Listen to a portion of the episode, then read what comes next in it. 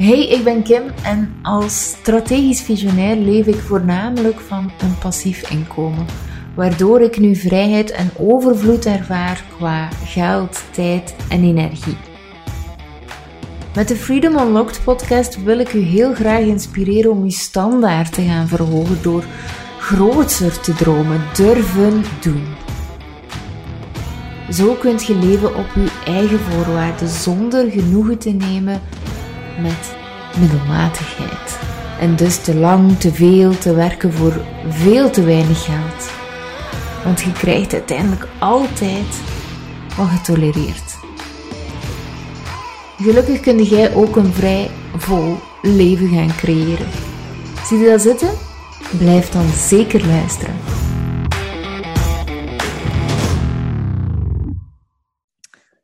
Dus, hey Fiona, ik ben heel blij dat je in de podcast wilde komen. Um, misschien is het interessant voor de luisteraars dat je even schetst wie dat jij bent en wat dat je doet. Um, ik ben Fiona, ik ben life en business coach. Ik zal eerst even met het, met het werkgedeelte starten. En ik coach ondernemers. Ik help hen uh, bij het groeien van hun bedrijf. En uh, het traject wat ik aanbied bestaat uit één op één coaching. En daarnaast zit er ook een familieopstelling bij en een ademwerksessie zit erbij. Omdat ik heel erg geloof dat je pas kan groeien als ondernemer op het moment dat je groeit als mens. Dus daarom kijken we in het traject naar bepaalde blokkades die er zijn, bepaalde belemmerende overtuigingen die je hebt. Want op het moment dat je ehm, daar, kan, daar naar durft te kijken, dan kan je ook belangrijke stappen in je bedrijf zetten. Dus dat is wat ik doe. Ik vind het superleuk om met ondernemers samen te werken, omdat dit ja, echt mensen zijn die heel erg vertrouwen op hun eigen energie en ehm, het willen creëren en iets willen neerzetten in de wereld. Dus het zijn heel erg mensen die bij me passen. En naast dat ik live en business coach ben, ben ik de vrouw van Rick en de moeder van Loek. En Loek is uh, vier jaar. En wij hebben de droom om naar Spanje te emigreren omdat we heel graag in de natuur willen leven, onder de zon. En uh, het heel fijn zouden vinden om onze eigen groenten te verbouwen. En uh, ja, we willen echt een vrij leven creëren. Waar we al echt mee bezig zijn. Maar die volgende stap is dus uh, dat droomleven in Spanje. Ja, en, en daar wil ik heel graag op verder gaan. Want dat triggert mij altijd. Ja. waarom, waarom is het er nu nog niet? Waarom is het er nu nog niet? Ja, goede vraag. Um, wij hebben ik moet, dan moet ik gelijk even eh, goed gaan rekenen. Maar het is denk ik zo'n twee jaar geleden dat wij, het was net voor, voor corona, toen hebben wij een, um, een hele bijzondere reis gemaakt met z'n drieën. Ik had toen net ontslag genomen omdat ik ja, echt vast zat in mijn baan. En ik wist heel duidelijk van dit wil ik niet meer, ik wil voor mezelf starten. En mijn man had eigenlijk hetzelfde op dat moment. En toen wisten wij van oké, laten we een reis maken met z'n drieën. Loek is nog geen uh, vier, dus die hoeft nog niet naar school. En dit is het moment dat we kunnen gaan reizen. Toen zijn we onder andere naar Azië en Zuid-Europa geweest. En toen hebben we echt het gesprek met elkaar gehad van wat vinden wij belangrijk in ons leven? En hoe willen we eigenlijk dat ons leven eruit ziet? En dat was voor het eerst dat we er echt op die manier naar gingen kijken. In plaats van dat we ons leven leiden, ja, omdat het zo ontstaat, omdat het systeem er op een bepaalde manier uitziet. En toen gingen we dus dat gesprek met elkaar aan. En um, toen kwamen we tot de conclusie dat we heel graag in het buitenland zouden willen wonen. In de natuur en dat vrije leven dus, waar ik het net over had. En um, in het begin hadden we zoiets van, oké, waar gaan we dan wonen? Dus tijdens die reis hebben we ook verschillende plekken bekeken. We wisten wel dat we het in Europa wilden. Um, omdat het dan nog wel redelijk dicht bij Nederland is. Dus we hebben over Frankrijk gedacht, we hebben over Italië gedacht en we hebben over Spanje nagedacht. En uiteindelijk kwamen we tot de conclusie dat uh, het Spaanse leven het beste bij ons past. Mm -hmm. En um, toen hebben we ook, ja, in, in die twee jaar hebben we ook uh, naar verschillende plekken gekeken. En het is ook twee keer hebben we een bod gedaan En dachten we, dit is het. En twee keer is het niet doorgegaan. Eén keer omdat het huis illegaal gebouwd bleek te zijn. En de tweede keer omdat wij uh, over een stuk land van de buurman moesten. En de buurman moest dus tekenen voor het recht van overpad. En dat wilde hij niet. En hij zei op een gegeven moment zelfs dat hij ons zou gaan tegenwerken. Dus uh, dat was voor ons opnieuw een aanleiding om te zeggen: oké, we gaan dit niet doen. En um, even, om even terug te komen op je vraag: waarom is het er nu nog niet? we merkten ook, we, zijn, we waren aan het werk en we hadden het gezinsleven, we waren met Loek bezig en we hadden van alles wat in Nederland speelde. En we merkten dat het Spanje-verhaal um, iets naar de achtergrond ging en dat we daar niet de aandacht voor hadden die we het wilden geven. En um, op een gegeven moment heeft Rick toen besloten: oké, ik ga nu stoppen met werken zodat ik volledig me daarop kan focussen. Op een bepaald moment heeft uh, Rick inderdaad besloten om uh, te stoppen met zijn uh, baan, om, zodat hij echt volle focus kan hebben voor ons Spanje-plan en echt daarmee bezig kan zijn. Omdat we gewoon merkten van als we dat niet doen, dan hebben we er gewoon niet de aandacht voor die we zouden willen. Ja. Dus eh, ja, echt een, een, hele goede vraag van je. Van waarom, waarom is het er nu nog niet? Want het was eigenlijk een conclusie voor ons. Um, het is er nog niet, omdat we het niet de aandacht geven die het verdient. En daarom duurt het daardoor waarschijnlijk langer dan we zouden willen. Dus dat is ook denk ik een hele goede vraag aan jezelf om te stellen op het moment dat je bepaalde dromen of doelen hebt. En het lukt je niet om die te bereiken ze zeggen toch, um, don't change the goal, change the plan. dat, mhm. dat, is wel een heel duidelijk voorbeeld in dit verhaal. Dat je op momenten ook stil mag staan en mag kijken van werkt het wat we nu doen of uh, mogen we een beetje bijsturen naar links of naar rechts. Zodat we sneller daar komen waar we naartoe willen. Ja, ja want um, ik kan me inderdaad voorstellen, wat, wat, is het plan nu gewoon? Omdat ik, het, omdat ik het echt wel interessant vind hoe dat jullie het nu gaan aanpakken. Ja, nou, um, Rick komt net terug um, uit Spanje. Hij was een mhm. week daar en hij uh, heeft ook verschillende huizen bekeken. Dus er zit ook één goudmijntje tussen. Dus daar gaan we nu met elkaar over in gesprek van gaan we een bod doen. Dat is dus iets wat ik niet heb gezien, alleen met videobellen.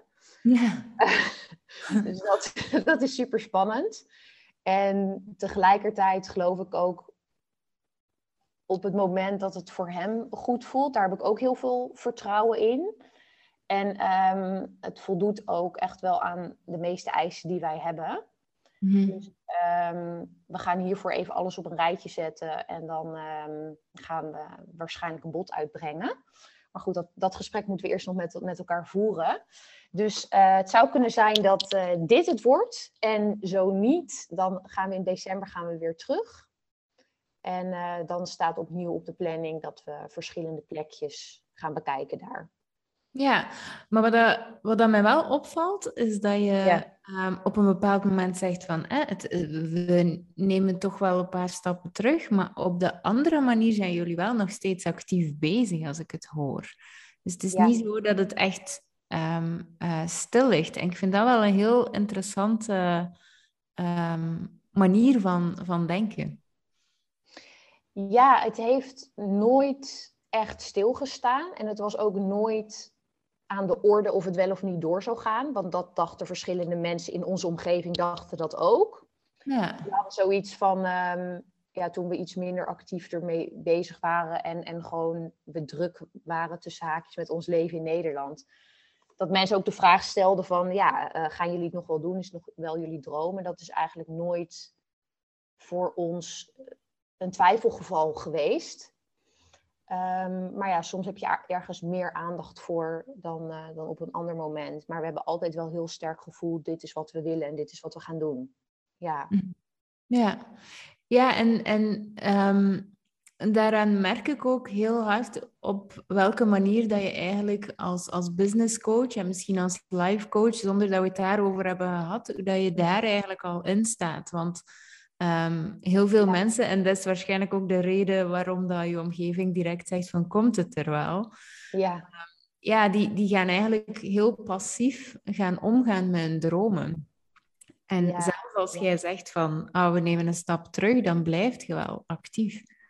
Ja, precies. Ja, en dit is wel een heel mooi onderwerp wat je aansnijdt. Ehm, ik heb me daar zelf ook in moeten ontwikkelen en in moeten groeien. Want ik geloof niet dat het iets vanzelfsprekends is in ehm, de wereld waar we in leven, de maatschappij waar we in leven, dat niet alle mensen dat hebben, omdat het vaak, ja, er is een soort um, pad voor je uitgestippeld, wat, wat de meeste mensen bewandelen. Je gaat, je gaat naar school, je volgt een opleiding, je hebt een baan.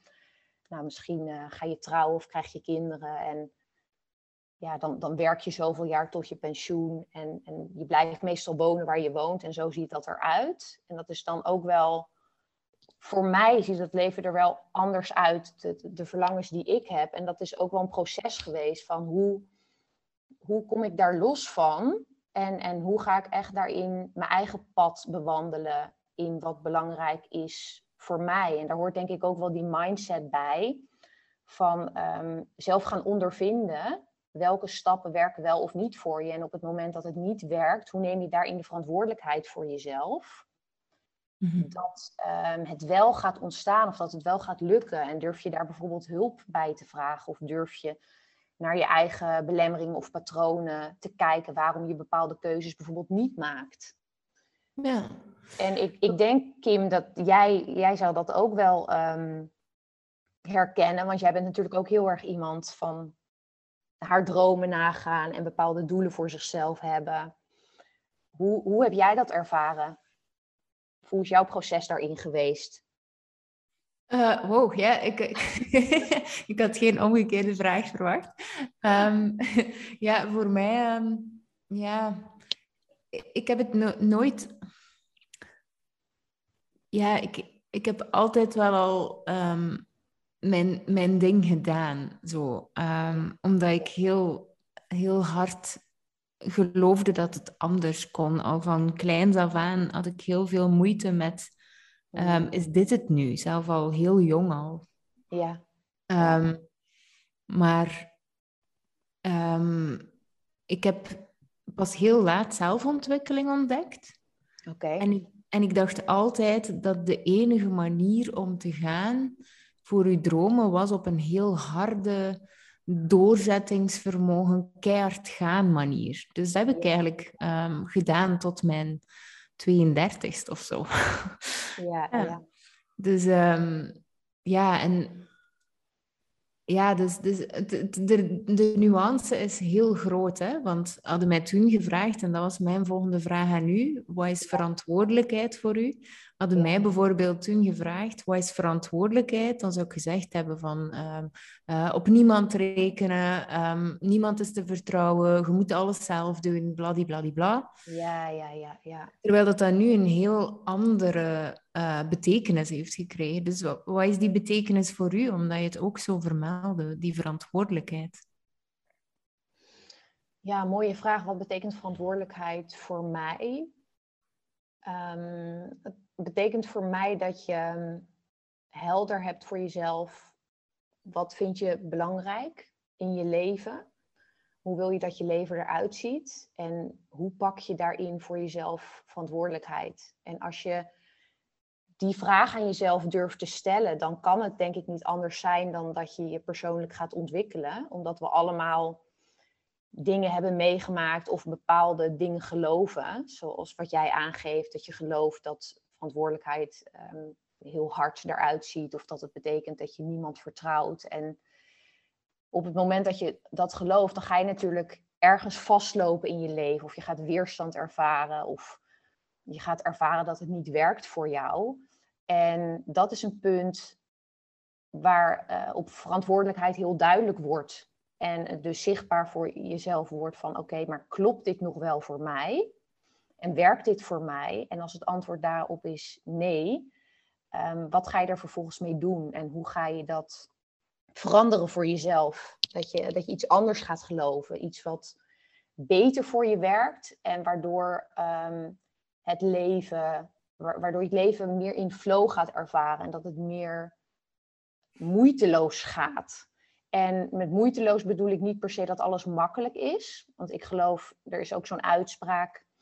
Um, hard choices, easy life. Daar geloof ik heel erg in. Dat juist als je die moeilijke keuzes durft te maken, want dat is ook waar verantwoordelijkheid over gaat, dat je leven dan steeds makkelijker wordt, omdat je steeds meer vertrouwt op jezelf en weet dat je kan terugvallen op jezelf. En dat het steeds meer het vrije leven wordt waar je naar verlangt, als dat jouw uh, droom is bijvoorbeeld. Maar dat je daarvoor wel steeds naar jezelf moet durven kijken van welke stappen mag ik hierin zetten. En uh, hoe mag ik die verantwoordelijkheid dus pakken? Ja, mooi.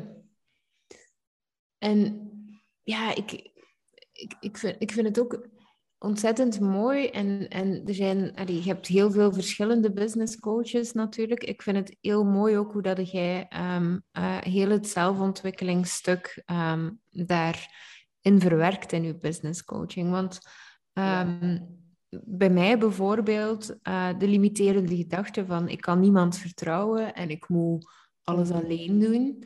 Ja. Uh, werkte heel goed tot op een bepaald punt. Hè? Dus ja, um, um, ja, ik, um, ja ik, ik heb het zes jaar perfect gedaan. Ik haalde heel mooie omzetten. Ik, ik deed het allemaal wel, maar ik voelde mij ook wel heel eenzaam. Ja, precies. Ja. Nou, en ik... Zeg maar. Ja. Ik denk ook vaak dat het zo werkt. Dat we, we gaan iets geloven omdat we iets hebben meegekregen van onze ouders. Of we hebben dingen meegemaakt in ons leven. En daar komt die gedachte of die overtuiging dan vandaan. En heel vaak werkt het heel lang heel goed voor ons. Um, nou, bij jou, hè, je, je business ging goed, je draaide goede omzetten. Je merkte resultaat van die overtuiging. En zolang het voor je werkt, zal je het ook niet gaan veranderen. Totdat er dus een punt komt waarop je merkt van ja, maar dit werkt niet meer. En dat is dus het moment dat je die overtuiging mag gaan loslaten en langzaam mag veranderen. En dat is altijd een heel spannend moment, omdat je weet wat het je heeft opgeleverd. Maar je gaat steeds meer ervaren dat het je ook iets kost. En ik geloof dat de verandering pas mogelijk is op het moment dat je gaat voelen, dit kost me meer dan dat het me oplevert. En wat jij zegt over ehm, eh, dat ik als business coach ook heel erg naar dat persoonlijke stuk kijk. Kijk, ik denk dat elke business coach je kan vertellen wat een goede strategie is en welke stappen gaan werken voor je. Um, en dat als je een ondernemer wil worden, dat, je, dat kan je ook opzoeken. Je kan het, weet je, het internet laat tegenwoordig alles zien. Je kan erover lezen. Um, maar werkt het ook voor jou, die manier? En um, hoe sta jij jezelf nog in de weg om die stappen te gaan zetten om uh, jezelf dat eigen te maken? En pas op het moment dat uh, je dat stuk gaat aanpakken, dan ga je het ook intern echt voelen. En um, ga je echt de stappen zetten waar je enthousiast van wordt en die werken voor je. En ga je jezelf niet meer in de weg zitten. Dus de belangrijkste vraag als ondernemer, maar ook als mens, is denk ik: hoe kan jij uit de weg gaan Hè? Want we staan onszelf in de weg door bepaalde dingen die we geloven, bijvoorbeeld. Hoe kan je uit de weg gaan zodat het pad vrij is voor je om te gaan en die stappen te zetten? Ja, en, en, het, en dat is ook heel spannend. Hè? Je hebt het ook vernoemd van, van ja, jezelf uit de weg gaan. Mm ja, ik, uh, ik, ik dacht, ik, dacht ik, was, ik was eigenlijk op een bepaald punt heel naïef zelf. Ik dacht van, ah, ik kom altijd uit mijn comfortzone. Want ja, ik deed al de bold moves die niemand anders durfde. En ik dacht van, ja, ik heb daar helemaal geen problemen mee. Maar mijn, uit mijn comfortzone stappen was eigenlijk letterlijk mensen toelaten. En en op het moment dat ik dat besefte, dan, dan viel, er, viel dat kaartenhuisje zo helemaal in elkaar. Voelde ik mij ook heel slecht door. Van oké, nee, ik ben eigenlijk al altijd in mijn comfortzone bezig geweest. Ik heb er eigenlijk nog nooit uit geweest. Ja, wat een mooi inzicht is dat dan, hè? Ja, ja want dan, dan, um, dan wordt het ook wel allemaal eventjes heel gevoelig. Dus dat um, je ego even opzij zetten en, en dan durven kijken naar eh, heel veel dingen waar dat je toch wel een bepaalde verantwoordelijkheid, daar zijn we weer, gedragen hebt. Mhm. En dat je tot op dat punt dacht um, dat dat niet het geval was. Ja, dat, dat opent wel heel veel deuren. Ehm, en, het, en het is heel moeilijk geweest voor mij om dan ja, drie stappen achteruit te zetten en alles eigenlijk te bekijken. En eventueel mijn, mijn business, hè, ehm, eh, mijn budget en mijn doelstellingen te verplaatsen, vond ik toch wel heel heavy.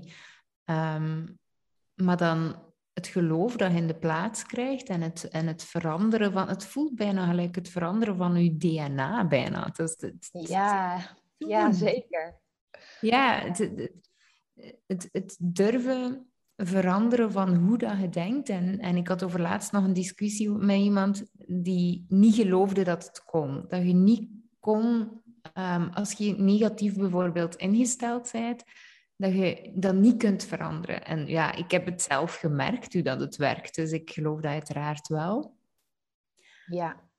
Um, ja, ik, ik, wacht, ik ben dus helemaal aan het praten. Ik weet niet meer wat mijn vraag is, maar misschien is dat wel interessant, want ik kan me voorstellen um, dat mensen ook pas bij u komen op het moment dat ze daar echt klaar voor zijn.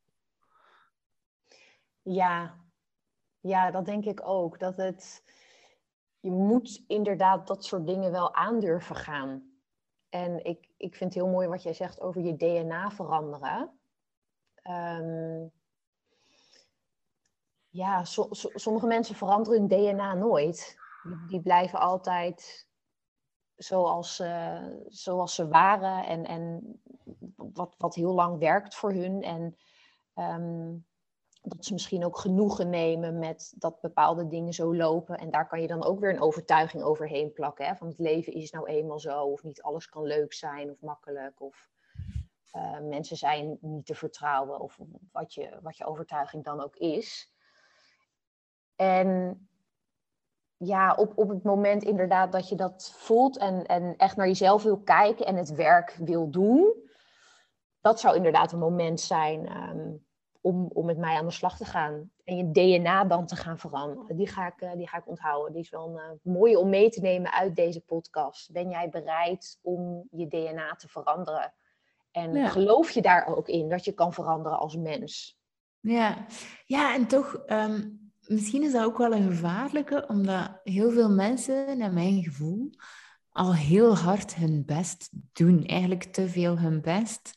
En mhm. het woordje veranderen misschien niet het juiste woord is, want dan hebben we weer het gevoel dat we iets moeten fixen of iets moeten uh, helen of beter maken. Um, ja, precies. Terwijl dat het gewoon ehm, teruggaan is naar mijn gevoel, naar de essentie en jezelf durven omarmen en weten dat alles wat je doet goed genoeg is. Ja, zeker, absoluut. Het is ook denk ik niet harder werken, want dat is vaak wat we denken van, oh ja, knallen en stappen zetten en doelen behalen. Ik denk dat het veel vaker gaat om dingen afleren. Ja. Dingen die je, die je bent gaan geloven in je leven of dat je het op een bepaalde manier aanpakt.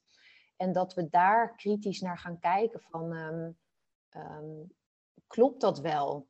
En ik geloof juist heel erg op het moment dat je dingen gaat loslaten, ehm, dat, dat het dan, ja, wat ik net al zei, dat het dan moeitelozer gaat. En um, loslaten is natuurlijk vaak een veel moeilijker proces om dat aandurven te gaan in plaats van weer nieuwe skills leren of nog harder werken of nog meer stappen zetten. Ja, het is het, het, het stilstaan vooral dat, dat mij elke keer... En, en ik sta nog heel veel stil, omdat ik merk dat ik daar het hardste werk doe, of het beste ja. werk. Ja, precies. Um, maar dat, dat, dat, is voor mij inderdaad wel uh, niet altijd een evidentie. En ik doe het wel, omdat ik weet wat dat het, uh, wat dat het mij brengt. Ja. Um, maar ja, weet je, eh, voor mij voelt het ook zo. Vroeger dacht ik dat het van alles was. Ik dacht dat er van alles mis was met mij. Want ik kon geen complimenten aanvaarden, ik kon dit niet en ik ging altijd maar door en ik kon niet samenwerken. En ik dacht dat dat 101 verschillende dingen waren. Ja. Tot als ik eigenlijk begon te onderzoeken. En dan bleek het uiteindelijk hoe... En, en toen als ik toen als ik tot die essentie kwam, dan dacht ik van, is dat het maar? Allee. Um, dus het was, het was eigenlijk maar, maar één klein dingetje ik, die, die mezelf goed genoeg zou vinden. Um, en, en het ding is, het is dan van zodra dat niet meer 101 dingen is, maar dat één dingetje dat op kunt focussen, dan wordt het wel veel, veel makkelijker. En je weet ook dat het nooit ophoudt, dat je altijd terug moet keren, maar je weet wel heel snel naar waar dat je moet gaan. Zo voelt het voor mij. Ja, ja, mooi. Ja, en het is, ik, ik denk dat we vaak ook een verkeer, verkeerd beeld hebben van wat groeien is. Dat dat altijd betekent ehm, een, een volgende stap, terwijl groeien kan ook zijn stoppen met bepaalde dingen of even stilstaan, inderdaad. Net als hoe het in de natuur werkt. Het is niet alleen maar dat een boom of een plant groeit en groter wordt. Nee, er, is ook, er zijn ook andere seizoenen. En die zijn ook nodig om meer te groeien en te bloeien. En dat kan je eigenlijk niet overslaan.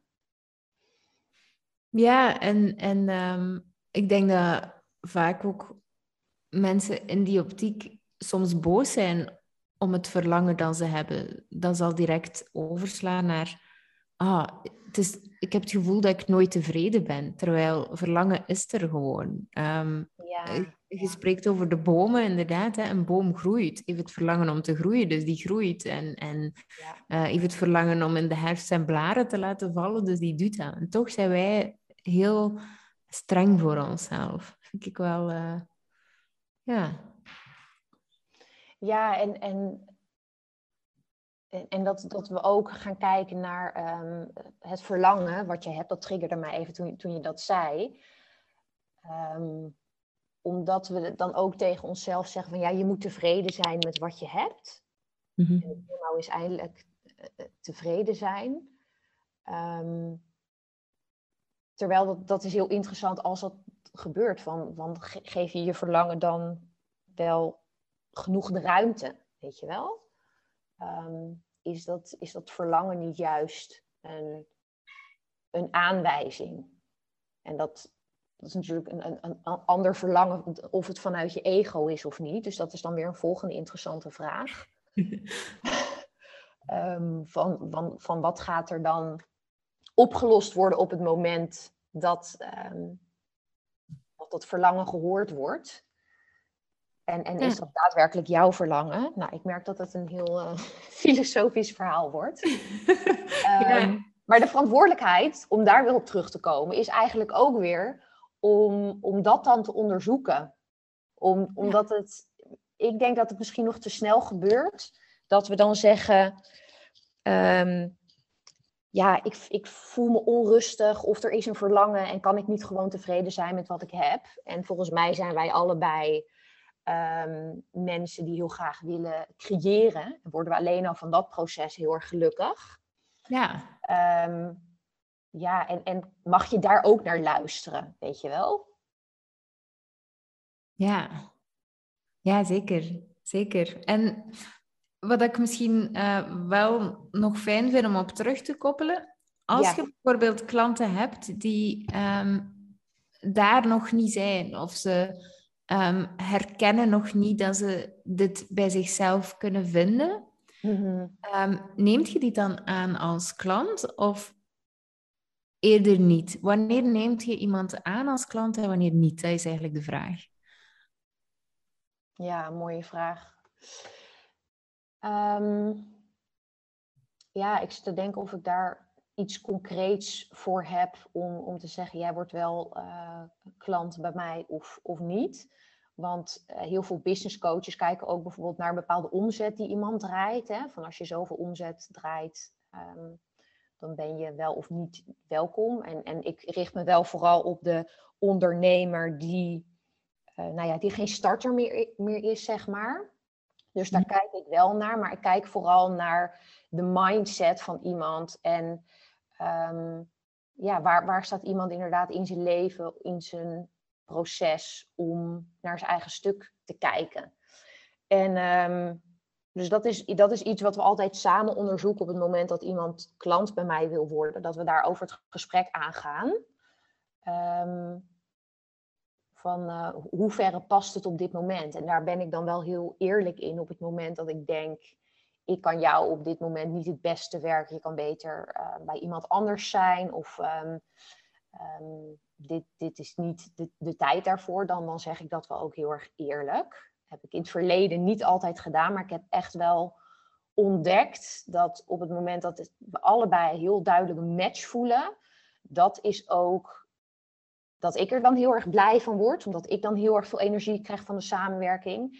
En dat het ook betekent dat mijn klant de meeste resultaten gaat behalen, het meeste gaat groeien. En die, um, ja, die match en die chemie moet er wel heel duidelijk zijn. En dan moet je allebei wel heel duidelijk achter staan om de samenwerking aan te gaan. Dus ik weet niet of het een heel concreet antwoord is, want het is vooral ook um, ja, iets, iets wat intuïtief eigenlijk besloten wordt. Maar waar ik dus wel altijd heel, uh, heel, heel kritisch naar kijk en heel eerlijk in ben. Want dat is ook echt iemand die ik ben als coach, weet je wel. Ik ben ook heel eerlijk naar jou als klant toe, van welke dingen ik zie. En dat ik zie dat je uh, iets zegt, maar je doet het niet bijvoorbeeld. Of het klopt niet voor mij. Dat, ik ben daar altijd heel eerlijk in dat ik daar een, een spiegel in voorhoud. Dus dat begint al op het moment dat wij voor het eerst met elkaar in gesprek gaan. En als het dan dus een nee is, dan, uh, ja, dan zeg ik dat ook. Ja, ja dat, dat snap ik zeker. Want inderdaad, anders, anders komt het toch op een punt dat het zichzelf ook weer wreekt. Allee, dat is mijn gevoel, toch? Ja, ja zeker. Absoluut. Ja, en um, misschien nog interessant om, om terug te koppelen naar het stukje omzet. Want je zegt, hè, veel business coaches kijken naar omzet. Jij neemt geen starters. Maar um, ja, geloofde jij dat je omzet um, sowieso onmiskenbaar vasthangt aan het level of uh, soul searching dat je gedaan hebt? Um, ja en nee. nee in de zin dat je omzet hoeft. Um, ik denk dat je hele goede ondernemers hebt die heel veel geld verdienen en heel veel omzet draaien. En die, die heel het ondernemerspel heel goed begrijpen. maar die qua soul searching nog best wel werk te doen hebben, om het zo maar te zeggen. En dus daarin zou ik zeggen nee. En, en ja, omdat het ook wel een, een weerspiegeling is van oké, ehm, hoeveel, uh, hoeveel lef heb je, hoeveel kan je dragen als mens en als ondernemer. En daar horen inderdaad ook wel bepaalde omzetten bij. Um, dus, dus ja, in, in die zin zou ik dan weer ja zeggen. Um, het hangt er ook helemaal vanaf wie jij bent als mens en als ondernemer. Wat, wat is een manier die werkt en past bij jou en waar word je blij van? En bij sommige mensen past een, een, een kleinere onderneming, um, waarbij minder grote omzetten zijn. En dat hoeft dan niet per se te betekenen dat jij minder ver bent of minder succesvol. Maar dat jij, het kan ook juist zijn dat je heel duidelijk uh, kiest voor deze manier van ondernemen. Um, en in die zin heb je dan juist weer meer soul searching gedaan. Ja. Dus, uh, ja, klinkt dat een beetje duidelijk dat ik er dus een ja en een nee op zou antwoorden op die vraag. Ja. Ja, ja ik, ik, had het misschien ook wel gevoeld. Ik had het ook wel een beetje gestuurd natuurlijk. um, maar um, ja, ik, ik heb net hetzelfde inderdaad. Want ja, ik, ik verdiende wel al goed mijn boterham toen als ik me eigenlijk miserabel voelde. Dus ja. Um, ja. soms heb ik, heb ik zelf een beetje de frustra frustratie is niet echt het juiste woord, maar laten we het zo noemen, dat, um, dat er daar soms wel wat focus op gelegd wordt, terwijl um, ik zou veel meer omzet vandaag kunnen doen als ik keihard zou doorgaan. Ja. Um, maar ik heb gewoon besloten voor mezelf uh, dat de, doels, de, de omzet die ik draai vorig jaar en dit jaar, dat die dat gemiddelde is van hoe dat ik mij goed voel en dat het genoeg is. En ik, ik ja. als ik er spontaan over ga, dan vind ik het helemaal prima, maar ik ga het niet pushen. Nee, precies. Nou ja, en er was een, uh, een andere business coach die zei, uh, die heeft een keer de opmerking gemaakt, volgens mij was het Tibor. Uh, ja? Die zei, het, het, je bedrijf is het middel en het goede leven is het doel. Ja. En dat, ehm, dat vind ik wel een hele mooie uitspraak. En natuurlijk is, als ik naar jou en mij kijk, dan denk ik dat het bedrijf zelf is voor ons ook het doel, hè, omdat we zo blij worden van het ondernemen en dat zo goed bij ons past. Ja, zeker. Maar dat is wel iets om, om je steeds af te vragen van, um, past dit nog bij het leven wat ik belangrijk vind en hoe ik wil dat mijn leven eruit ziet? En, um, en, en dat je op die manier je, je business gaat runnen en gaat invullen. Mm. Ja, Zeker. En ik, ik, heb zelf heel lang gezegd, ik ben mijn bedrijf. Um, Maar sinds kort, sinds kort twijfel ik daar soms over. Omdat ik ook wel merk dat als ik te veel in mijn bedrijf zit, dat ik daar ook niet zo op en top gelukkig van word. En dat de, de dingen waar ik dan wel echt gelukkig van word, is um, idiote gesprekken met mijn kinderen. En ik de nadruk op idioot, omdat ze nergens op slaan. Maar eh, eh, ja, maar, maar, ja, en als ik te veel um, bezig ben met mijn missie, ja, ja dan, dan, dan is daar geen ruimte of, of te weinig ruimte voor. Dus dat is nog maar iets dat ik mij sinds de laatste weken afvraag van ben ik wel echt mijn bedrijf? Want daar ben ik sinds kort niet meer zo zeker van. Nee. nou ja, mijn antwoord daarop, ben ik mijn bedrijf? Dat is opnieuw iets waar ik dan ja en nee op zou antwoorden. Want ik denk, mijn bedrijf is een onderdeel van mij. En, en Fiona als persoon bestaat uit, ehm, ja, heeft verschillende aspecten. Zoals ik net al zei, ik ben moeder, ik ben vrouw, ik ben vriendin. Ik heb eigenlijk allerlei verschillende identiteiten die bij mij horen. En eh, het runnen en leiden van mijn bedrijf is daar één van. Um, en, en tegelijkertijd zie ik ook wel een valkuil bij ondernemers dat zij die identiteit van het runnen van een bedrijf heel erg groot maken. En op het moment dat het dan goed gaat met je bedrijf, gaat het ook goed met jou. En op het moment dat het dan niet goed gaat met je bedrijf, dan gaat het ook niet goed met jou. En um, kun je dat ook loskoppelen van elkaar? kun je ook zien dat, dat jij als persoon um, op zichzelf staand al genoeg bent. Los van wat je allemaal doet en wat je bereikt. En um, dat betekent niet dat je daar, daar niet van mag genieten. En dat ik geloof heel erg in het, in het aardse, weet je wel. Van ga dingen creëren, ga het neerzetten, ga voor die dromen. En dat het tegelijkertijd van ons als mens steeds weer mag vragen dat we Ehm, daar ook een beetje afstand van nemen. Van dit, dit is wat ik doe, maar het is niet wie ik werkelijk ben. Ja, ja dat is waar. En, en zo voel ik het ook. En soms vergeet ik het dus. Absoluut, ik ook. ja. En ik denk, ik denk dat dat bij ons hoort als, als, als mens, weet je wel. Dat je... En, en uh, dan kom ik weer terug op het maatschappijverhaal. Dat is ook heel erg Ehm, hoe wij zijn opgegroeid. Hè? De, de, eerste vraag die wij aan elkaar stellen als we elkaar op een feestje ontmoeten is: wat doe jij eigenlijk? En mhm. daar uh, halen we dus ons zelfvertrouwen uit. En, en dat is wat we van jongs af aan al meekrijgen: van uh, nou ja, ga voor die hoogst haalbare opleiding. En, en dat je, als je een advocaat bent, dat je het dan beter doet dan dat je een putjeschepper bent. En op die manier wordt heel erg gevoed dat wat jij doet, dat dat um, maakt hoe belangrijk je bent. Ja. Maar is niet een veel belangrijkere vraag, wie ben jij? Moeten we niet gaan naar de feestjes en dat we elkaar die vraag stellen? Ja, ja zeker. Ga ik vanaf nu doen. Wie ben je? Ja, mooi. ja, um, nu, ik, ik wil eens terug naar de familieopstellingen misschien. Um, ja. Waarom familieopstellingen? En misschien, misschien eerst, de eerste vraag is misschien beter, wat is het? Want ik denk dat niet iedereen weet wat het is. Nee, precies. Een familieopstelling is, um, een, een methodiek, zou je het kunnen noemen, om inzicht te krijgen in je familiesysteem. En dat kan je op twee verschillende manieren doen. Dat kan je met poppetjes doen. Dus dat je verschillende poppetjes neerzet die jouw familiesysteem, dus je ouders, je broer en je zus bijvoorbeeld, als je die hebt, en jijzelf voorstellen. Of het kan met echte mensen. En ehm, die zet je dan neer in de ruimte. En dat maakt bepaalde patronen die jij hebt heel inzichtelijk.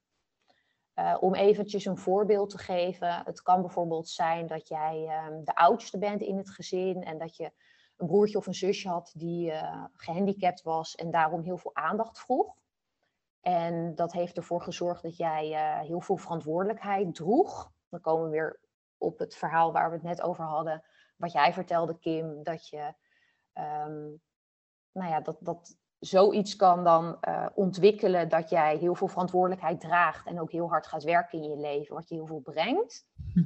Maar um, dat kan je dus op een gegeven moment ook gaan, iets gaan kosten. En een, een familiesysteem nodigt eigenlijk uit om, om dat te gaan bekijken. En um, hoe ik het nu vertel, is het, is het een soort van rollenspel. En dat is het absoluut niet. Het is echt systemisch werk waarbij je inzicht krijgt in waar je vandaan komt.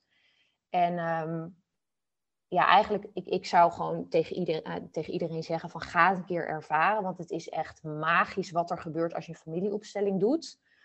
Um, want je gaat op bepaalde plekken staan en op het moment dat je vader bijvoorbeeld op een andere plek gaat staan, iemand representeert dan jouw vader op dat moment. Hè. Die gaat op een andere plek staan of die zegt bijvoorbeeld bepaalde dingen tegen jou. En het is dan niet echt je vader. Um, maar iemand die um, jouw vader dus representeert, dat, dat maakt al zoveel los. En um, nogmaals, dat is niet echt wat je iets kan uitleggen in woorden. Je moet het echt gaan ervaren. Maar dat gaat iets shiften in je systeem, waardoor er dus meer ruimte komt om je eigen plek te gaan innemen. En als je dat gaat doen, als je dat gaat ervaren, dan kan je dus ook veel meer je bedrijf en je leven leiden uh, op een manier die bij jou past en die voor jou werkt. In plaats van dat je bijvoorbeeld je hele leven lang um, iets aan doen bent om nog je vader te plezieren. Of om, um, om, om je moeder gerust te stellen. Of wat, wat de reden ook is dat je, dat je dingen doet. Dus ik kies voor een, een familieopstelling omdat het echt heel diep gaat. En dat er echt dingen uh, naar boven komen die soms niet altijd zichtbaar zijn. En dat, je dat, dat het niet alleen zichtbaar wordt, maar dat je het ook echt op een dieper level gaat voelen. En als dat aangeraakt wordt, ja, dan zijn er echt shifts mogelijk. Dus in combinatie met het ademwerk, in combinatie met de één op één coaching, ja, dan gaat er gewoon heel erg veel veranderen. En dan is echt een transformatie mogelijk. Ja, ja ik, um, ik heb het één keer um, per ongeluk gedaan. Um, oh ja, per ongeluk gedaan in de zin van, ik, uh, het, het was onverwacht. Ik, uh, ik dacht dat ik naar een uh, business event ging. Eh, ja. en, en voordat we het wisten, stonden we allemaal klaar voor de familieopstelling. Oké. Okay. Um, dus ja, ik heb daar zelf niet zo'n goede ervaring mee. Oh, wat jammer. Um, ja, en, en, ik, en ik hoor iedereen er heel veel positieve dingen over zeggen. En, ik, en voor mij voelde het een beetje um, traumatiserend, maar ik zal, ik zal, oh, uitleggen hoe dat, ja, ik zal uitleggen hoe dat kwam. Want op zich, tijdens de sessie zelf, vond ik het heel helend. En ik heb ook um, uh, heel veel tranen gelaten, maar vooral bij andere mensen hun proces. Hoe dat ik zag dat zij daar heel veel aan hadden. Ja. En ik was een van de laatste aan de beurt. Dus ik, ik was wel geïnteresseerd, omdat ik dacht van, ah, bij de rest is dat heel mooi. Um, en bij mezelf was ik dan eigenlijk al een beetje teleurgesteld, omdat ik ben, ik ben heel strategisch, dus ik mhm. snapte het wel al, hoe dat het hele ding in elkaar zat. Dus dat inzicht had ik wel al lang. Ja. Um, maar dan op een bepaald moment vroeg de, de, de, hoe noemde dat? De facilitator?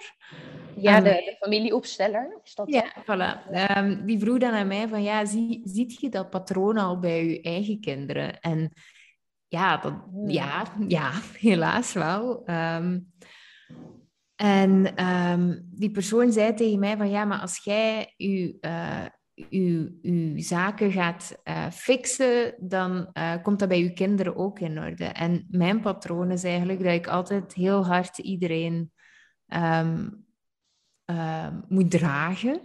Ja. En, ik, en, voor mij kwam dat heel hard binnen alsof, ah, nu mag ik dat ook nog eens dragen. Nu ben ik ook nog eens verantwoordelijk voor mijn kinderen, hun patronen. En, oh, en ja. toen ja, toen ben ik echt naar huis gegaan en ik was zo van slag. Ehm, ja, en, en nu kan ik, het is al bijna, bijna een half jaar geleden, nu kan ik dat veel beter plaatsen. Mhm. Ehm, ook wat dat die persoon heeft gezegd, dat was natuurlijk mijn trigger. Want dat is net hetgeen dat die wond is. Dus die heeft mij gewoon geraakt op het, op het plekje uh, op dat moment. Ja. Ja, dus um, ja, ja, ik word dat even kwijt. Ik, ik weet niet wat jij daarover denkt. Ja, ik zou bijna, want ik, ik doe die familieopstelling niet zelf. Ja. Uh, Vincent doet dat. Die, die, ja, die is dus onderdeel van, um, van het traject The Right Choice, wat ik aanbied. En um, ja, wat, wat, wat jij erover vertelt. Kijk, aan de ene kant denk ik, een familieopstelling kan heel veel naar boven halen. Dus in die zin um, kan het zeker heftig zijn. Maar het is wel de bedoeling dat het altijd iets, um, iets, iets opent en dat het, dat het rustiger maakt uiteindelijk. Ook al wordt soms even de, de beerput opengetrokken. het doel is wel dat dat um, uiteindelijk voor een, een verbetering zorgt in je leven. En, en ja, hoe, hoe jij erover vertelt, was het eigenlijk een, niet zo'n hele goede ervaring. En weet ik ook niet. Ik kan natuurlijk verder niks over degene zeggen die het begeleid heeft. Maar het, het klonk niet alsof dat het heel veilig voelde voor jou. Of dat, er, dat er ook een soort van oordeel in zat. En dat is juist niet wat een, um, ja, wat een familieopstelling teweeg zou moeten brengen. Ja. Dus ik, um, ik weet niet hoe het voor nu is op dit moment in je leven, maar ik zou je bijna willen uitnodigen om een keer een, een, opnieuw een familieopstelling te ervaren die, ja, die veilig voelt en, en die, die, waardoor je zeg maar meer. Um, want, want dit, dit is een versterker van, van dat wat er eigenlijk al was. Het verantwoordelijkheidsgevoel en het moeten dragen voor of van anderen het werd daarin eigenlijk alleen maar bevestigd voor jou. Ja, ja, klopt. Um, maar maar um, ik heb vorige week of zo um, een, een uh, of ja, vorige week denk ik, een bufo-sessie gedaan. Dus dat is uh, à la ayahuasca, maar dan een korter oh, proces. wauw. En, en dat kwam terug. En, ja. en ik had toen al zoiets van, ah, ik moet het gewoon nog eens opnieuw doen, want die persoon die paste niet bij mij. Ja. Ja, ja.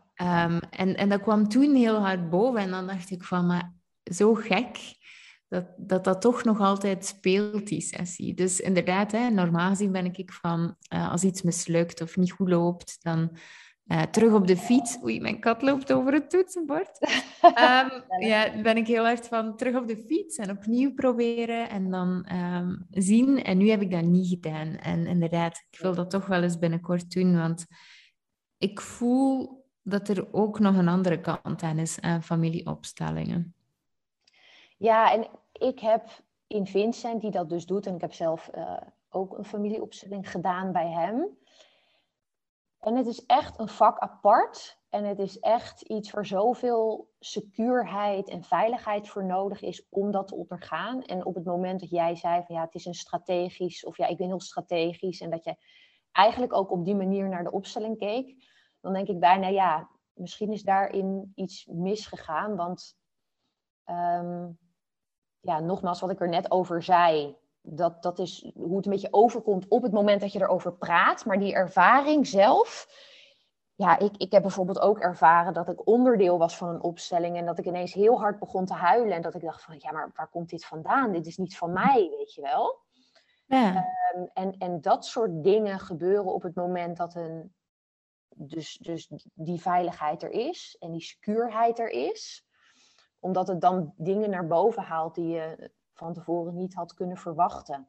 Ook hoe het verloop van de um, opstelling eruit ziet. Dus nogmaals, je bent welkom. en misschien uh, um, na die ceremonie is dit uh, het moment wat, ja, wat ervoor gaat zorgen dat je het wel als iets positiefs kan gaan ervaren. Ja. Ik heb, ik heb nog, een, nog, een, nog een vraag. Um, ja. Wanneer heb jij het gevoel in je coaching-trajecten... Wanneer zijn jij tevreden in je coaching-traject? Kim, wat een goede vragen stel je, by the way. Dank u. Uit interesse. hele, hele mooie vragen. Um, wanneer ben ik tevreden? Ik ben tevreden als we dat stuk hebben aangeraakt waar het echt om gaat. En um, ja, dat, dat, klinkt natuurlijk, uh, dat klinkt natuurlijk een beetje vaag. Dus ik zit te denken, hoe kan ik, kan ik dat concreter maken? Um, nou ja, als, als we gewoon kijken naar het thema wat er echt speelt. En dat we daarin echt tot de kern komen van wat is de grootste blokkade op dit moment. Mm en, en als we, ja, ik, ik, ik merk elke keer weer in een traject, als we daar naar kijken, um, daarin, daarin zit, zit de meeste verandering. Ja, ja. Dus dus als ik dit zeg, dan denk ik van dat het, het, het, klinkt, het klinkt heel vaag. Maar um, um, ik, ik kan me bijvoorbeeld voorstellen bij het verhaal wat jij vertelt. Als, um, als we tijdens een traject echt naar dat stuk gaan kijken van het verantwoordelijkheidsgevoel het dragen en uh, de gedachte van uh, het hart moeten werken. ja, als, als je daar een andere visie op gaat hebben. Dat je het ook echt anders gaat voelen. Dat je meer vanuit vertrouwen stappen kan zetten in plaats vanuit dat, dat harde. Dat zou echt een shift betekenen waar je gewoon de rest van je leven iets aan hebt. Dus dat is dan niet alleen iets tijdens het traject, maar ook voor daarna. En um, ja, dus dat is denk ik het belangrijkste. Ja, ja en dat snap ik heel goed. Uh, dus ik vind het niet vaag. Oké. ja, ja, ik, um, ja, want, want het, het is dat ding, ja, vaak dat ene ding dat heel veel in beweging zet natuurlijk. ja, precies. En het is ook, um, kijk, ondernemers komen vaak met eenzelfde soort vragen bij mij van... Um, ja, het, ik, ik loop ergens vast in mijn business of ik wil, uh, ik wil meer gaan verdienen, maar uh, dat lukt me niet. Um, ik, ik wil groeien met mijn bedrijf. Het zijn allemaal een beetje dat soort vragen. En vaak komen er dan dingen naar boven of gaan we het over dingen hebben die van tevoren niet zo duidelijk zichtbaar waren. Mm -hmm. En, en uh, ze komen dan eigenlijk met een andere vraag dan wat daadwerkelijk de vraag is. Ja. En op het moment dat dat duidelijk wordt, dan kun je dus uh, de juiste keuzes voor jezelf maken in je leven en in je bedrijf. En dan zie je wat er echt voor nodig is om um, naar het volgende level te gaan. Hoe dat er voor jou ook uitziet of wat dat voor jou ook betekent. Ja, maar hoe begint je daaraan? Je krijgt een, een, een ondernemer voor u. Ja. En die vertelt zijn heel praktische problemen. Ja. Hoe begint je daaraan? Ja, hoe begin je? Nou ja, ik, ik, ik ben vooral heel erg aan het onderzoeken op dat moment van oké, dit is jouw wens of jouw verlangen. Um, hoe ziet dat er dan uit? Nou, dan kan ik bijvoorbeeld ook zo'n slimme vraag stellen als jij in het begin deed. Waarom is dat er nu nog niet? Ja. Wat heb je tot nu toe gedaan om daar te komen? Um, en eigenlijk al pratende of tijdens het, het coachingproces worden dingen daarin duidelijk.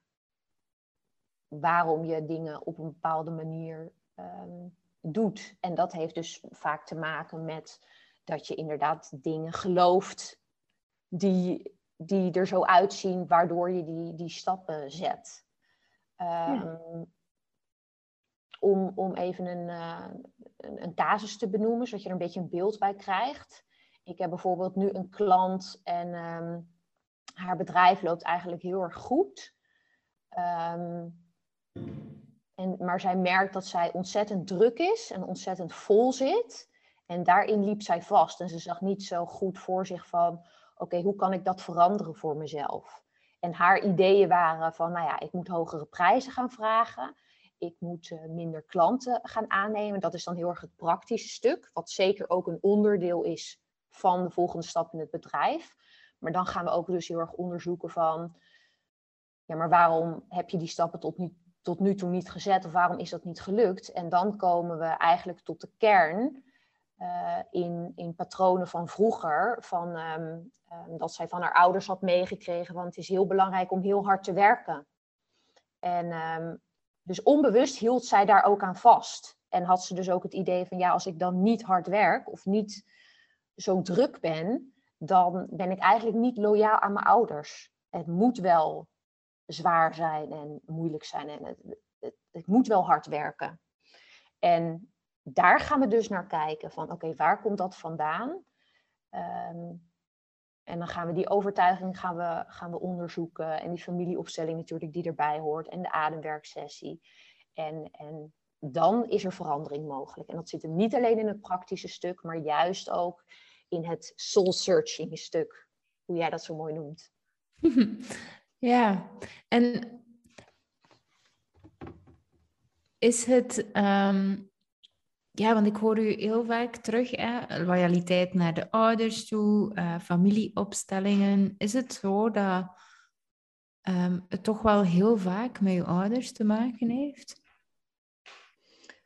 Zeker, ja.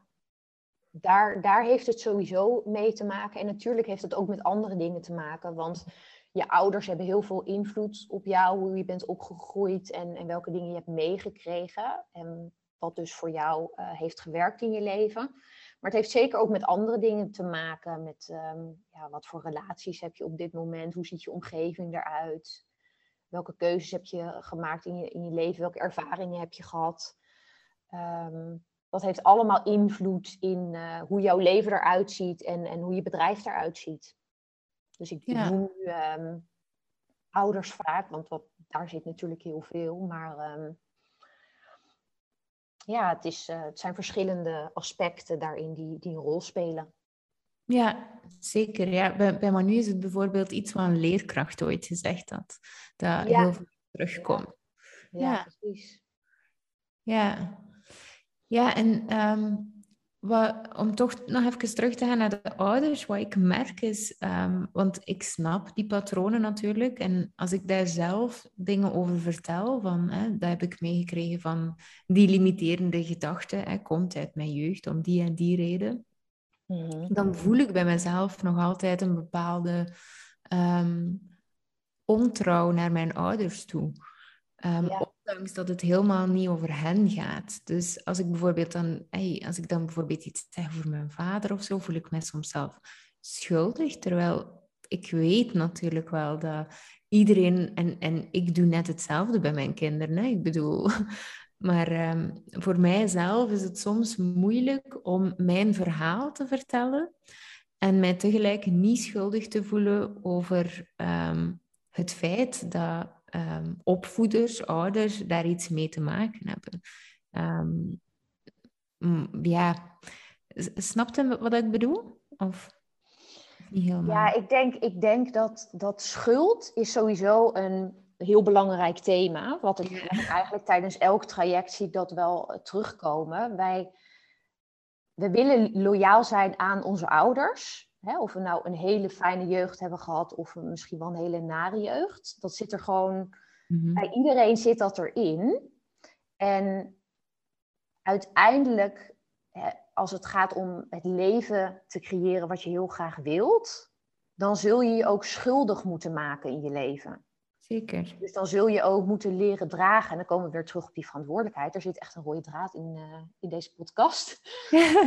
um, Maar dat, die verantwoordelijkheid dragen gaat ook over die schuld dragen. Je schuldig maken in het leven. Dat jouw stappen invloed hebben op een positieve manier, maar ook, ook op een negatieve manier. En dat is natuurlijk ook waar je als ondernemer altijd een keer mee te maken hebt. Van op het moment dat je jezelf gaat laten zien in de wereld, mm gaat echt je plek innemen, je stem laten horen, dan, nou ja, ik denk dat elke ondernemer dit wel uh, herkent.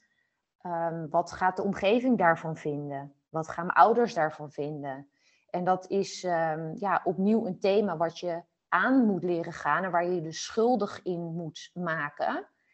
Wil je echt um, je plek in kunnen nemen, je leven willen leiden op jouw manier en echt dat je gaat shinen, dat je gaat stralen. Daar is dat voor nodig. Ja, ja en dat, dat, dat is iets dat bij mij inderdaad terugkomt. Ik doe het wel, maar ik, uh, ik merk toch inderdaad altijd van, oh nee, ik sta in de krant met. Hè? Uh, en je kent de, de, de schrijvers natuurlijk van de krant, het is altijd heel ongenuanceerd, uh, een beetje ja, het, het moet een beetje juicy zijn, waardoor dat het altijd een beetje op het randje komt van... Ja, ja maar dit, dit sta ik niet 100% achter. Maar ik weet natuurlijk als, um, als ondernemer dat ik vooral blij moet zijn dat ik in de krant sta en naar geloofwaardigheid toe en zo verder. Maar dan... Ja. Ik heb inderdaad tegen niemand gezegd in mijn omgeving van... hé, hey, ik sta in de krant. Mm. Uh, ja, en dan kreeg ik toch berichtjes en dan, ik voelde echt van binnen van, oh nee. Uh, ik kreeg dan toch berichtjes hè, van, van mijn vader bijvoorbeeld, van, hé, hey, je staat in de krant. Um, uh, ja, en ik, uh, ik, ik, ja, ik had vooral zoiets van, ah, het was niet de bedoeling dat jij dat zag. ja, ja, precies. Ja, ja. Ja, maar ja, oké, okay, ja, het is, de, de, dus, dus, dus altijd zoiets inderdaad. En ik zet mij er wel over en ik ga er wel uh, voor, omdat ik weet dat ik me schuldig moet maken. Ja. Maar ik voel dat wel nog steeds. En ja. ja en, en met elk, elk level uh, kom je daar, heb je daar weer mee te maken. En ziet het er weer op een andere manier uit. En moet je dat dus weer aangaan. Of tenminste, dat moet je niet. Maar dat, um, ja, als je daarin stappen voor jezelf wil zetten, dan, uh, moet je dat steeds opnieuw weer aangaan.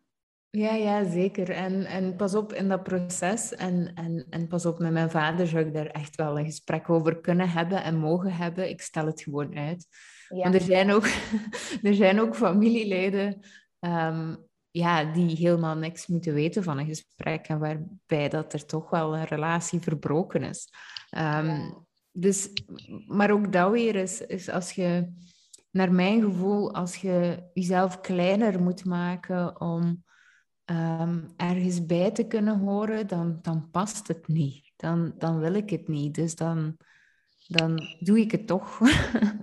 ja, ja. En dat is mooi dat je dat dan wel steeds durft te doen. En dat dan dus bij jezelf checkt. Maak ik mezelf klein als ik dit nu niet doe, bijvoorbeeld?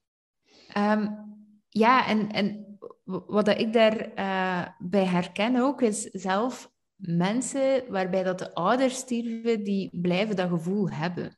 Dus misschien is er nog een allerlaatste ding dat jij wilt zeggen voordat we afronden, dat die mensen daarmee kan helpen. Ja, wat, wat, was je vraag precies? ja, um, dus, dus uh, het, het, het, het, ding is, uh, wat ik merk, hè, het, het, de, de angst om ontrouw te zijn, bijvoorbeeld aan uw ouders, om, om te gaan durven stralen. Ja. Ik merk ook bij bijvoorbeeld mensen waarbij dat de ouders zijn gestorven, dat zelf die het soms nog voelen van oei, dat kan ik niet zeggen, want mijn ouders. Dus dat het ook niet te maken ermee heeft of dat ze nog uh, leven of niet, of dat je ermee gebroken hebt, dat dat gevoel daar gewoon nog bij u zit. Ja. Um, dus misschien kun jij um, als laatste nog een extra tip geven wat dat mensen kunnen doen om nog meer te durven stralen, ondanks die behoefte om trouw te zijn aan uw ouders. Ja, mooie laatste vraag. Nou ja, sowieso, wat ik al eerder zei, ga een keer een familieopstelling doen. Want dan ga je dat dus ook voor jezelf aan. Um, maar ja, het is eigenlijk gewoon zo simpel als, als jij net zei. Dat het belangrijk is om jezelf de vraag te stellen. Op het moment dat ik dit niet doe, hou ik mezelf dan klein? Betekent het dan dat ik minder straal? op het moment dat ik loyaal probeer te zijn aan mijn ouders of aan mijn omgeving. En dat, dat gebeurt natuurlijk altijd als je bezig bent met hoe reageert mijn omgeving hierop of wat vindt mijn omgeving hiervan. Als je dat leidend laat zijn in de stappen die je zet en de keuzes die je maakt. Dus het, het feit dat je die vraag aan jezelf stelt en dat het antwoord daarin duidelijk is, dat zegt denk ik al voldoende. En ehm, dan ligt bij jou de verantwoordelijkheid om voor jezelf te beslissen van oké, hoe ga je daar dan mee om? En ehm, dat kan er natuurlijk op heel veel verschillende manieren uitzien. Ehm, dat kan, zo'n vraag kan simpelweg betekenen dat je de keuze dan maakt, dat je het dan gaat doen, omdat je weet, voor mij is het goed. En ik geloof ook heel erg op het moment dat het voor jou goed is, dat het ook goed is voor je omgeving. Ook al vindt je omgeving ehm, er misschien wat van. Ik, ik maakte later, laatst een post en die ging, over, ehm, die ging ook over loyaal zijn aan anderen. En uh, dat je voor het altaar staat naast de man met wie je gaat trouwen. En je voelt, dit moet ik niet doen. Ik moet nee zeggen. En je bent loyaal naar jezelf. Uiteindelijk is dat ook het beste voor die andere persoon. Want je wil niet ja zeggen tegen iemand terwijl je eigenlijk nee voelt. Want hoe, hoe loyaal ben je dan eigenlijk? Ja, in hoe verre kun je er dan zijn voor die persoon? En hetzelfde geldt naar je ouders toe. Jouw ouders willen uiteindelijk, wat alle ouders willen, dat jij gaat stralen. Dat jij jouw leven op jouw manier gaat leven. Ehm, dus zelfs als dat betekent dat je je schuldig maakt of dat je hun in eerste instantie verdrietig zal maken of het zal invloed op hun hebben.